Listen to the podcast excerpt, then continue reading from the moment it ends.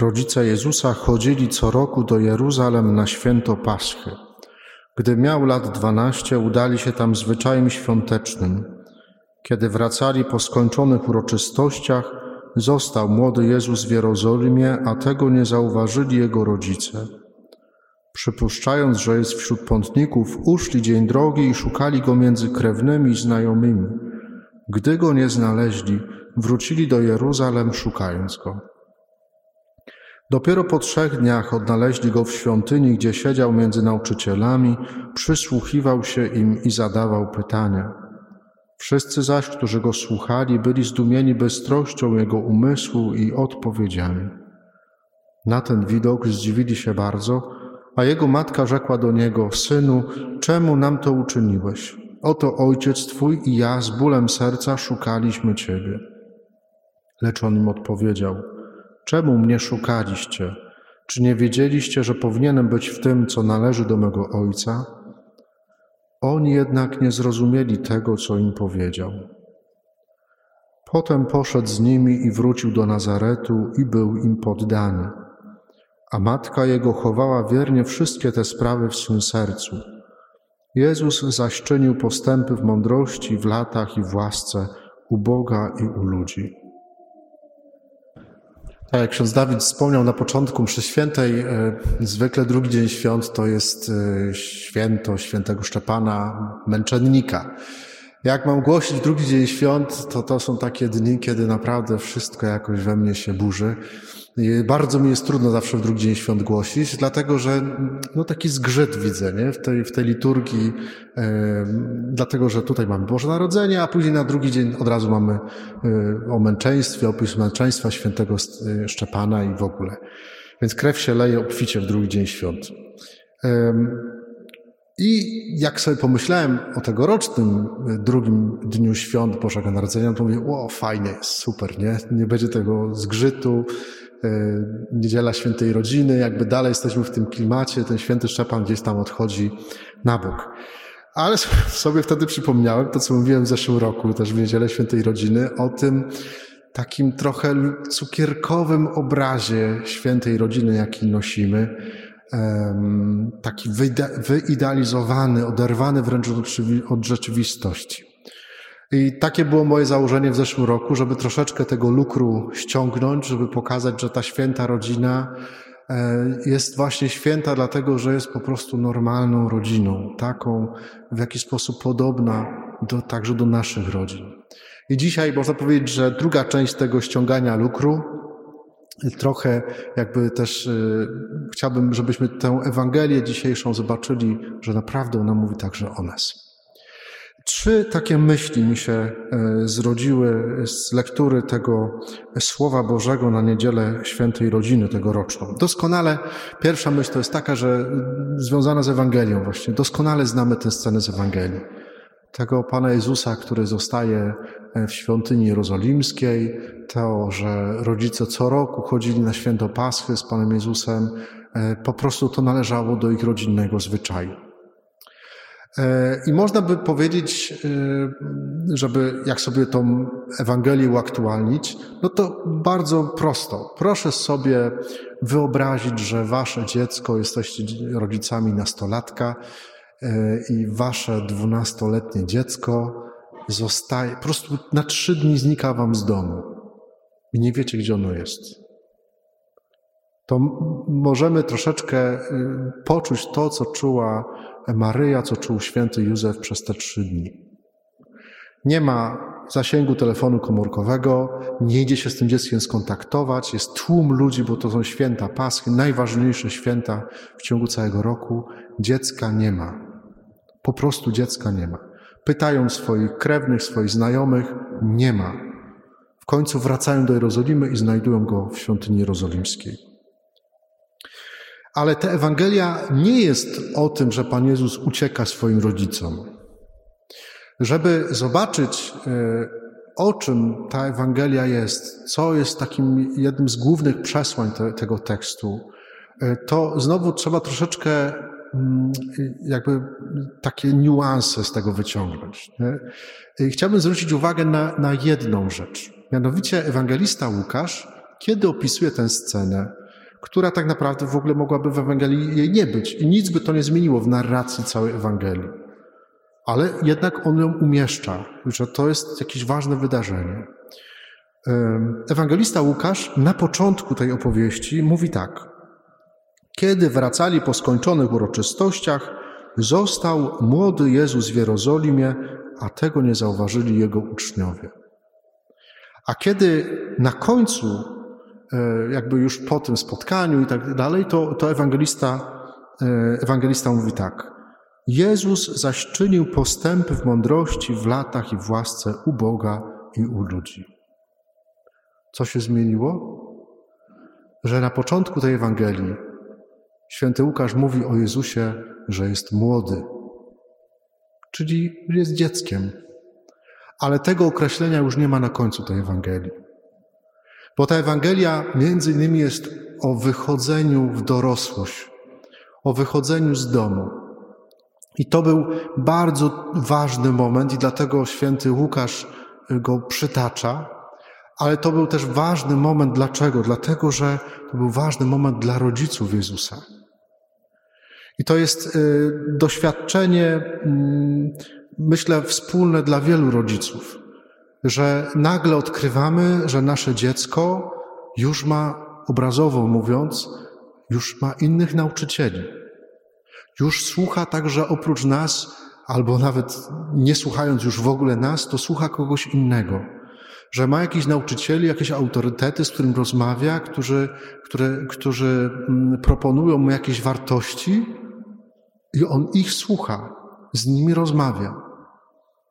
Jakby wychodzi, wyszedł z domu. To jest niezwykle trudny moment dla każdego rodzica i dla każdego wychowawcy, że dziecko, że ten wychowanek odchodzi, wychodzi gdzieś w inną przestrzeń, gdzieś indziej znajduje swój dom. E, najczęściej też w tym momencie pojawia się wiele różnych konfliktów, tak? Proszę księdza, ja mu mówię, nie rób tak, a tak rób. No, no czemu tak nie robisz? I zwracam uwagę i go upominam, a ten nic w ogóle mnie nie słucha, albo odfuknie, albo odburknie. No to zobaczmy, co ewangelista Łukasz pisze o tym, jak się Jezus dogadywał ze swoimi rodzicami. Lecz on im odpowiedział: Czemu mnie szukaliście? Czy nie wiedzieliście, że powinienem być w tym, co należy do mego ojca? I później dodaje: Oni jednak nie zrozumieli tego, co im powiedział. To jest dokładnie to samo doświadczenie, które ma wielu rodziców. Że to dziecko wyszło już z domu, że kogoś innego. I Maryja z Józefem też tego nie rozumieją, tego, co się dzieje. To nie jest tak, że oni byli wszystko wiedzący, już wszystko znali wszystkie odpowiedzi. Nie? I Maryja pokornie to przyjmuje, no pokornie tak, ale że bez słowa to przyjmuje i zachowuje wszystko w swoim sercu. Tam na pewno było dużo pytań, dużo e, jakichś rozmów. Oni nie rozumieli tego, co się z Jezusem dzieje. Jeszcze im to nie było objawione. Druga rzecz, która jakoś też wypływa z tego, to to, że trzeba uznać, że w pewnym momencie ci nasi wychowankowie czy dzieci, mówię o wychowankach jakby myśląc o sobie, po prostu odchodzą, wychodzą z domu. I ból tego wyjścia z domu, ból tego rozstania jest tym większy, im bardziej szczelny klosz utworzyli wcześniej rodzice nad tym dzieckiem. Odnoszę wrażenie, że daliśmy się wkręcić w ostatnich latach w taki, taką pułapkę takiego modelu wychowania młodych ludzi, która zamyka ich w kloszu. To nie jest tylko moje wrażenie. To jest, to jest y, od kilku lat w rozmowach z moimi znajomymi księżmi, katechetami, nauczycielami różnych poziomów wychowawczych i podstawówki, i szkoły średniej, i, i przedszkola, y, i też z rodzicami. Y, no, jakby wraca takie przeświadczenie, że, że jako rodzice, jako wychowawcy próbujemy to młode pokolenie w dobrych, z dobrą intencją zamknąć w takim kloszu, żeby nic nie przeszkadzało temu dziecku w rozwoju, żeby y, nie, było, nie miało żadnych przeciwności, stworzyć takie sterylne warunki, w których nic mu nie będzie zagrażało. Wszystko to dziecko musi mieć. Na każde zawołanie, wszystko, tak obrazowo mówiąc, podstawione pod buzię i posprzątane. Żadnych dodatkowych zajęć, które by się nie zgadzały z wizją rodziców, jakie oni mają na temat wychowania tego dziecka. Bo ten klosz y, nakładają rodzice. Te, to zajęcie ci się przyda, tego się ucz, tutaj chodź na ten trening, ale to już ci jest niepotrzebne. Po co masz być ministrantem albo Marianką? Nie, to ci nic nie da w życiu. To ci nic nie da w życiu. To tak tylko na marginesie. Natomiast chciałbym, żebyśmy się zastanowili, to, y, żebyśmy zobaczyli, czy nie tworzymy takiego sztucznego kloszu wobec y, y, nad naszymi dziećmi. Bo to powoduje, że w momencie, kiedy to dziecko wychodzi spod tego klosza, a prędzej czy później wyjdzie, zawsze wyjdzie, to powoduje ogromny ból. Bo rodzice nagle myślą, że dziecko mają w domu, że ono jest w drugim pokoju i że mają z nim świetny kontakt, ale tego dziecka tam nie ma. Ono jest może ciałem, ale duchem, sercem jest w ogóle w innym miejscu. Tam, gdzie ma swoich nauczycieli, tych, których słucha, tych, którzy przekazują mu cały świat wartości. Inny, czasami całkowicie inny od tego świata wartości, jaki próbują przekazać rodzice. I to jest ból ogromny, że ja zrobiłem wszystko dla mojego dziecka, nieba mu chcę uchylić, a on po prostu wychodzi spod tego klosza. Jestem przekonany, że takim, i to, to nie jest tylko moje przekonanie, zaraz jeszcze do tego nawiążę, jestem przekonany, że w takim modelem wychowania robimy młodemu pokoleniu krzywdę.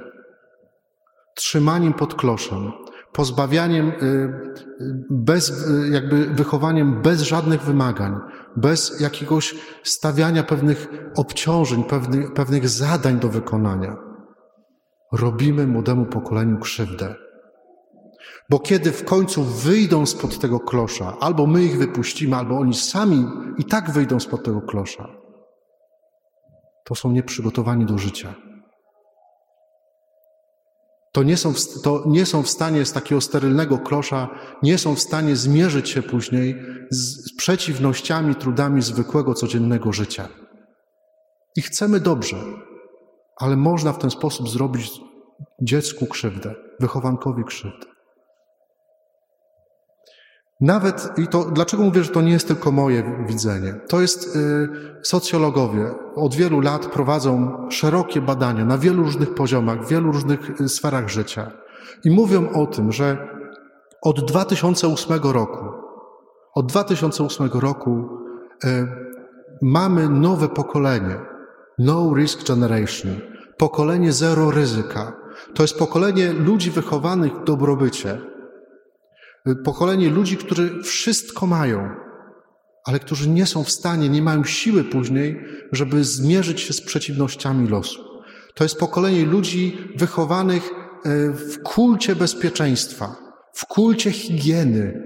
To jest pokolenie ludzi, którzy nie chcą podejmować żadnego ryzyka życiowego. A takim ryzykiem będzie z jednej strony e, choćby zrobienie prawo jazdy, albo palenie papierosów, albo, e, nie wiem, jakieś zachowania, które, i nie mówię, że palenie papierosów jest dobre, to żebyśmy byli dobrze zrozumiani, ale to jest zachowanie ryzykowne. W 2008 roku w Stanach Zjednoczonych, to jest na podstawie e, badań z takiej książki IGEN, polecam, wydana po polsku w 2017 roku, e, książki, która mówi, że w 2008 roku w Stanach Zjednoczonych nastąpił radykalne przewartościowanie życia młodego pokolenia. To znaczy, radykalnie spadła liczba osób, które robią prawo jazdy wśród nastolatków. Radykalnie spadła liczba osób, które podejmują przedwczesne kontakty seksualne. Radykalnie spadła liczba osób, które sięgają po narkotyki. Wszystkie zachowania, które byśmy na, na, nazwali ryzykownymi, to wszystko gwałtownie spadło. Pokolenie zero ryzyka. To samo pokolenie, jak wychodzi, dzisiaj już studiuje, czy już niektórzy podejmują pracę i kto jest pracodawcą takich młodych ludzi, to wie, zwrócisz mu uwagę, powiesz coś, co mu się nie, nie, nie podoba, wpada w histerię. Wpadają w histerię. W Stanach Zjednoczonych y, to na kilku uniwersytetach, ale także w Polsce, sprawa sprzed kilku miesięcy. Pani socjolog na wykładzie mówi o tym, że rodzina to jest trwały związek mężczyzny i kobiety. Co robią studenci? Idą do rektora i mówią: My nie chcemy mieć z nią wykładów, bo my się źle czujemy, gdy ona to mówi, bo my mamy inne zdanie. Nic to, że ona po prostu robi wykład naukowy. Nie, my się z tym nie zgadzamy. Wychowaliśmy, wychowujemy pokolenie, z którym nie ma żadnej dyskusji. Zwróć młodemu człowiekowi często uwagę, po prostu jest nieproporcjonalnie, kompletnie nieproporcjonalna reakcja. Dlaczego? Bo wszystko odbieram do siebie, bo wszystko jest oparte, że mi się to nie podoba. Jednocześnie w tym samym 2008 roku w Stanach Zjednoczonych, bo to do nas przyszło troszeczkę później, zaraz wyjaśnię dlaczego, gwałtownie od tego momentu wzrasta liczba depresji wśród nastolatków, gwałtownie wzrasta liczba osób, które podejmują próby samobójcze. Dlaczego? Co się wydarzyło w tym 2008 roku w Stanach Zjednoczonych? Wtedy do sprzedaży trafił iPhone Pierwszy smartfon z dostępem do internetu. Wtedy się pojawiają sieci społecznościowe. To jest ten nowy dom, w które od wielu lat ucieka na młode pokolenie. I tak jak powiedziałem, mogę mieć takie, takie przekonanie, że ten mój syn czy moja córka są w domu, ale oni też są w tym innym domu, ich serce może być w ogóle w innym świecie, w innym świecie wartości niż rodzice by chcieli im zaproponować. Moje pytanie jest, nawiązując do dzisiejszej Ewangelii, który z rodziców idzie za swoim dzieckiem do tego wirtualnego domu? Kto z rodziców wie, co jego dziecko ma na Facebooku, na Instagramie, na TikToku, czy, czy potrafisz pójść za Twoim dzieckiem do tego domu, poszukać go tam, gdzie on jest, posłuchać także jego nauczycieli, bez oceniania, tylko posłuchać, żeby być z tym dzieckiem w tamtym miejscu? Myślę, że to jest ogromne wyzwanie dla wszystkich, którzy dzisiaj pracują z młodymi ludźmi, jakkolwiek. Czy jesteśmy w stanie jakoś, i to jest trzecia myśl, którą chcę jakoś zakończyć, czy jesteśmy w stanie jakoś wyjść z takiej trudnej sytuacji. Bo jak sobie pomyślimy dalej, jakie konsekwencje są takiego wychowania, to widzimy, że to są dla społeczeństwa, e, to, to, są, to jest katastrofa. Czy my, jako chrześcijanie, możemy coś zaproponować i w jakiś sposób na nowo odkryć, żeby być z tymi młodymi ludźmi?